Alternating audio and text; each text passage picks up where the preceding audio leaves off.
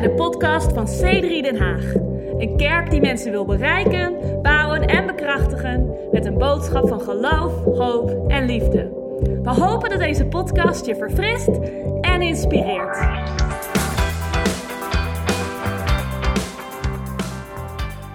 Romeinen 12 vers 12, er staat, uh, verblijd u in hoop. Ik hou van de Engelse vertaling, uh, NLT, die zegt, rejoice in our confident hope. Verheug je. Uh, heb vreugde, eigenlijk staat er. Heb vreugde in hoop. Wees geduldig in de verdrukking en volhard in gebed. Ik denk dat als we die drie, die drie dingen kunnen doen in dit seizoen als kerk, als we onszelf kunnen herinneren om ons te verheugen in hoop, om geduldig te zijn in moeilijke tijden en om te volharden in gebed, dan denk ik dat we hier helemaal met elkaar doorheen komen. Uh, dat het helemaal goed komt met elkaar. Um, laten we met om te bidden en dan uh, um, gaan we met elkaar deze boodschap uitpakken. Um, en ik vraag je, nodig je uit om mee te bidden. Vader God, uh, we danken u op dit moment in de naam van Jezus. Heer, we, we, we danken u voor de gelegenheid om uw woord te delen. Uw woord leeft, uw woord is krachtig. Heer, we hoeven er niets aan toe te voegen en we hoeven er niets van weg te nemen. Heer, we danken u dat het een impact zal hebben in de diepte van ons hart. Heer, ik geloof dat er iemand is vandaag die dit woord zo nodig heeft. Heer, en ieder, we bidden voor ieder persoon. Heer, voor uw bemoediging door uw geest. In de naam van Jezus. Amen. Nou, ik weet niet wat jouw uh, middelbare schoolervaring is. Die van mij was onstuimig. Grappig is, um, mijn vrouw Nicola en ik, onze ervaring is als dag en nacht. Um, haar ervaring uiteraard als dag. Zoals een van de voorbeeldstudenten uh, in de Nieuw-Zeelandse scholen waar ze opgroeide. Uh, heb je deputy students, waar je een assistent van de, uh, van de klas bent of van de leraar. En dat gaat niet democratisch zoals in Nederland, waar op de basisschool iedereen een dag lang klashulpje is. Nee, nee. Nicola was deputy student, voorbeeldstudent. Um, ik had behoorlijk veel je zou kunnen zeggen, strubbelingen met mijn school en met mijn leraren. Er waren leraren die, waar ik een goede klik mee, een goede band mee had. Zoals mijn, econo uh, nee, niet mijn economieleraar. Zoals mijn gymleraar, geschiedenisleraar. Um, de les vond ik geweldig. Maar ik weet nog dat er bepaalde leraren waren. Mijn natuurkundeleraar kon me niet uitstaan. mijn Frans docent vond me enigszins aardig, maar irritant. Maar mijn leraar, lerares Duits had echt, ik weet niet of ze een hekel aan me had, maar, en ik denk ook niet dat het persoonlijk was. Ik denk dat het er ergens mee te maken had dat ik heel vaak mijn boeken vergat. Um, een derde van de lessen niet bij was. En um, ja, dat, uh, dat helpt denk ik uh, niet helemaal. Ik weet nog dat er een moment was in onze, uh, in, onze klas, um, dat ik zo geïrriteerd was, dat ik samen met wat anderen min of meer een opstand leidde, om de de Duitse les uit te gaan in een soort van opstand. Ik was het ergens niet mee eens, ik weet niet meer wat het was. En uh, ik denk niet dat ik overdrijf als ik zeg dat een derde van de klas uh, wegliep in een soort van uh, woede-uitbarsting. En ik kan me heel goed voorstellen dat sommige van die wat meer modelstudenten thuis aan de eettafel s'avonds wat hadden uit te leggen. dat ze zeiden, sorry, je hebt wat gedaan? Oh, we zijn in opstand weggelopen omdat we niet eens waren met de klas de totale kamikaze-actie waar je uiteraard, ik wil even tegen alle studenten zeggen, waar je ook niks mee wint. maar mijn schooltijd was onstuimig. En ik weet, um, ik weet nog dat ik aan het einde van mijn schooltijd het wat serieuzer begon te nemen. Maar halverwege in het begin van mijn schooltijd had ik constant het gevoel dat school een soort van opdracht was. Een soort van test was die me werd opgelegd zonder heel erg duidelijk het idee te hebben wat mijn perspectief was. Aan het einde begon ik meer perspectief te krijgen, maar het voelde als een, als een opdracht. En heel vaak werd ook niet uitgelegd waarom we bepaalde dingen deed. En leerde naamvallen in het Duits. Wel, waarom zou ik Duits moeten spreken? Ik had geen idee. Um, vandaag de dag zou ik Duits willen spreken, zou me heel goed uitkomen. Maar um, ja, het was gewoon niet duidelijk. En ik denk dat als het gaat om, om hoop, of sorry, als het gaat om vreugde, dan denk ik dat het soms ongeveer hetzelfde kan aanvoelen. Ik denk dat we soms het idee hebben, een wat, meer populair idee tegenwoordig, uh, is dat vreugde uh, niet zozeer een emotie is, maar vreugde is een beslissing. Um, je geluk maakt je, maak je zelf. Um, vreugde is een houding. Vreugde is een mindset. Ik denk dat dat tegenwoordig een wat meer um, gangbare gedachte is, waar ik het helemaal mee eens ben overigens. Maar het is, als we teksten lezen zoals deze uit de Bijbel, verheug je, wees, wees vreugdevol, dan denk ik dat het soms kan aanvoelen als een opdracht. Net zoals ik een opdracht kreeg om naamvallen te leren. En dat ik dacht, oké, dit, dit moet ik doen, maar ik weet niet goed waarom. En soms heb ik het gevoel dat het net zoals met vreugde. We hebben het idee dat het goed is om te doen, of misschien hebben we het idee dat we het moeten doen, maar waarom? En vandaag wil ik met je spreken over de reden voor vreugde, is hoop. Zie, vreugde is niet een, een opdracht, vreugde is niet alleen maar een beslissing of een houding. Vreugde is het gevolg van onze hoop. Vreugde is een direct gevolg van hoop. En zonder dat we hoop hebben, kunnen we niet een, zomaar een beslissing maken om vreugde te hebben. Dus vreugde is niet alleen maar een oefening in het christendom. Vreugde is een resultaat. Dus als wij ons, ons richten op onze hoop, wordt het gemakkelijker om vreugde te hebben. Hebreeën 12 zegt over Jezus dat Jezus voor de wat? Voor de vreugde die voor hem lag, in staat was om de kruisiging te ondergaan. Hij, zijn focus lag op de, op de hoop. Zijn focus lag op de vreugde die voor hem lag. En daarom kon hij op een bepaalde manier vreugde hebben in dat moment. En zie, vreugde op dat moment was geen emotie. Het was een beslissing. Maar het was een beslissing dat je kan nemen als gevolg van hoop. Zie, als we ons uh, richten op hoop, als we onze focus leggen op hoop, dan is vreugde een, een uitkomst. En daarom kunnen we hoop hebben, zelfs als we aan de verliezende hand zijn. Zelfs als we ons bevinden in moeilijke tijden en zelfs wanneer we ons bevinden in crisis. Um, omdat onze hoop ligt voor ons en onze hoop is um, reëel. We, kunnen, we kunnen ons verheugen in, in, uh, in hoop, omdat hoop Gods constante plan is voor ons leven. Het zijn Gods constante beloftes voor ons. En het is goed om te weten dat God een default plan heeft, een, een standaard plan. En het is goed om te weten dat Gods plan voor ons niet verandert. Gods plan is constant hoopvol. Het, het is niet slecht op het ene moment en goed op het andere moment. Gods plan voor ons leven is constant. Toen uh, het volk van God in ballingschap was, um, dankzij hun eigen um, uh, daden en, en consequenties van hun eigen acties, als gevolg van, een, van het feit dat zij zich van God afkeerden en God had een keer na keer na keer gewaarschuwd. Op het moment dat ze ver weg waren van God, ver weg van hun beloftes, ver weg van hun hoop, uh, schreef Jeremia hun een boodschap. En hij zei, um, Jeremia 29 vers 11, ik wil dat je weet dat Gods plannen um, goede plannen zijn. God heeft plannen voor je van een hoopvolle toekomst. En ik, ik, ik weet dat het goed is om te begrijpen dat Gods plan constant is. Misschien, misschien ervaar je van allerlei, allerlei situaties, situaties op dit moment, maar Gods plan is constant. En hoop is een verwachting en vertrouwen in Gods constante plan voor ons leven.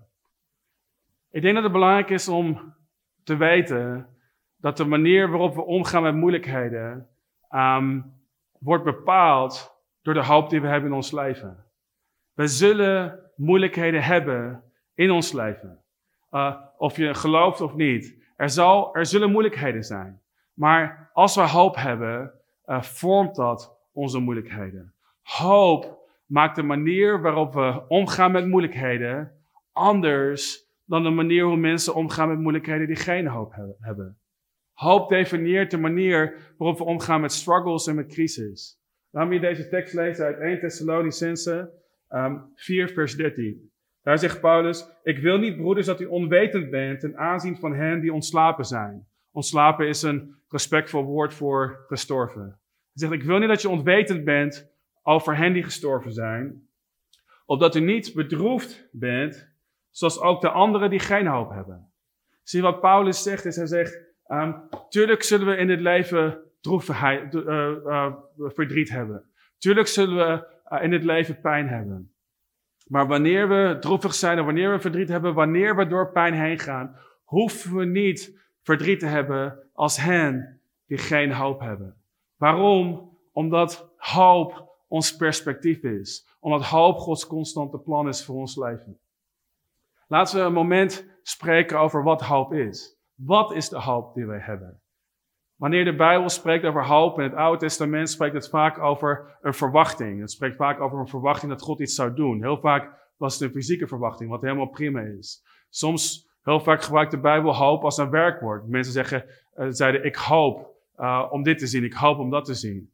Maar wanneer de Bijbel spreekt, zoals het spreekt in, uh, in deze tekst hier, in Romeinen 12, um, over hoop als een begrip, um, dan hebben we het ergens anders over. Um, in Romeinen 15 spreekt Paulus over de God van hoop. Uh, Colossense 1 vers 27 spreekt Paulus over uh, Christus in ons, de hoop van heerlijkheid. Als hoop op zo'n manier als een begrip wordt uh, weergegeven, um, dan heeft de Bijbel het over niet een verwachting dat er iets gaat gebeuren in ons leven. Dan heeft de Bijbel het over de hoop die we hebben. Wat is de hoop? Wel, daar lezen we over in de volgende versen van 1 Thessalonicense. Paulus zegt dus, ik wil niet dat jullie onwetend zijn over hen die dood zijn gegaan, dat jullie niet hoeven te rouwen als hen die geen hoop hebben. En dan zegt hij, want wij geloven dat Jezus gestorven en opgestaan is. Uh, want als wij geloven dat Jezus gestorven en opgestaan is, zal ook God op dezelfde wijze hen die in Jezus ontslapen of gestorven zijn, terugbrengen met hem. Want dit zeggen wij u met een woord van de Heer, dat wij die levend zullen overblijven tot aan de komst van de Heer, de ontslapen of gestorvenen beslist niet zullen voorgaan. Want de Heer zal zelf met een geroep, met de stem van de aartsengel en met een bezuin van God neerdalen uit de hemel. En de doden die in Christus zijn, zullen eerst opstaan. Daarna zullen wij, de levenden die overgebleven zijn, samen met hen opgenomen worden in de wolken naar een ontmoeting met de Heer in de lucht. En zo zullen wij altijd bij de Heer zijn. Zo dan troost elkaar met deze woorden. Zie, dit is de troost die we hebben. Dit is de hoop die we hebben wanneer we het moeilijk hebben. Even een korte opmerking. Wanneer we dingen lezen over opgenomen worden in de wolken, uh, denken we vaak aan beelden zoals het spelen van harpmuziek in de hemel. En sommige mensen zeggen wel, ik heb geen enkele behoefte om naar de hemel te gaan, want ik ben niet zo'n fan van harpmuziek. Uh, een bekende schrijver C.S. Lewis zei dat als we de Bijbel op die manier interpreteren, um, dat we uh, beter niet, uh, dat we beter niet de Bijbel kunnen lezen, um, omdat we niet klaar voor zijn om boeken te lezen die voor volwassenen geschreven zijn. Want volwassenen, uh, wat, want de Bijbel moet geïnterpreteerd worden op een volwassen manier. Uh, de Bijbel heeft allerlei illustraties en stijlvormen. En het is goed mogelijk dat een aantal van de dingen die we net lezen een stijlvorm vorm is. Maar wat ik oprecht geloof, in letterlijke zin, is dat Jezus terug zal komen. Ik geloof op, oprecht dat we letterlijk uit de dood zullen opstaan. En de hoop die we hebben, is de hoop van de opstanding. De hoop die we hebben, is een hoop van een nieuwe wereld. De hoop die we hebben is een hoop dat onrecht, ongerechtigheid zal worden uh, veranderd in gerechtigheid. Dat uh, alle tranen zullen worden veranderd in vreugde. Dat, dat alles wat krom is, rechtgemaakt zal worden. Dat God daadwerkelijk alles ten goede zal keren voor hen die geroepen zijn. En dit is de hoop en de opstanding waar Paulus het over heeft. En misschien klinkt dat nogal oldschool, omdat we een tijd niet hebben gehad, misschien in veel kerken over de terugkomst van Jezus. Maar laat me dit zeggen: Jezus zal terugkomen. En hij zal komen met zijn hoop. En die hoop die we hebben in hem is geen hoop die we, die we baseren op onze omstandigheden. Het is geen hoop die vluchtig is, wat komt op één moment en een ander moment weer weggaat. Het is geen emotionele hoop die alleen maar een gevoel van kippenvel is, wat komt en gaat. Het is een hoop die constant is. Het is ons uiteindelijke beloofde land. Wij leven hier, maar we, we leven niet voor dit leven. We leven voor iets wat verder gaat. De Bijbel zegt, God heeft de eeuwigheid in ons hart gelegd. En ik geloof oprecht dat, dat, dat God in de naam van Jezus wonderen zal doen um, en dingen zal terugbrengen en zal herstellen. En dat is de hoop die wij hebben. Laat me eindigen met deze gedachte. De hoop die wij hebben is nu en niet buiten ons bereik. Onze hoop is hier en nu en niet um, buiten, ons bereik. Er zijn zoveel teksten die ik zou kunnen delen. Maar laat me eindigen met de tekst die uh, afgelopen uh, zondag ook, die ik ook genoemd heb afgelopen zondag, is Romeinen, hoofdstuk 5, vers 5. Daar staat, en de, de hoop beschaamt niet, Omdat de liefde van God in onze hart is uitgestort door de Heilige Geest die ons is gegeven. De Heilige Geest ehm, maakt het mogelijk voor ons om een besef te hebben, om een voorproefje te hebben van de hemel. Het is zo fascinerend dat de Heilige Geest wordt genoemd ehm, eh, door Paulus, uh, uh, wordt, wordt, wordt een aanbetaling genoemd. Hij is de aanbetaling op ons leven, wat God zo, wat Jezus zou komen claimen als aflossing. Hij heeft een aanbetaling gedaan. Als je een aanbetaling doet op een huis, uh, dan weet de bank, dan weet uh, de verkoper dat je uh, het hele bedrag zou overmaken. Dit is um, hoe de Heilige Geest wordt beschreven. De Heilige Geest wordt beschreven als onze garantie. Hij is onze garantie van God. God heeft zichzelf gegeven. Jezus zei tegen zijn discipelen: Verspreid het evangelie, maak, maak discipelen over alle landen en ik zal met jullie zijn alle dagen tot aan het einde van de wereld. Zie, God is met ons door zijn Heilige Geest. En de Heilige Geest voor ons is een voorproefje van de hemel, van de hoop, van de eeuwigheid. En het is zo amazing dat toen Johannes een beeld zag van de hemel, in openbaring hoofdstuk 4, zag hij een deur, een venster, een deur dat die geopend was, hoog in de lucht, hoog in de hemel. Maar hij kon er niet bij, hij zei de afstand is te groot.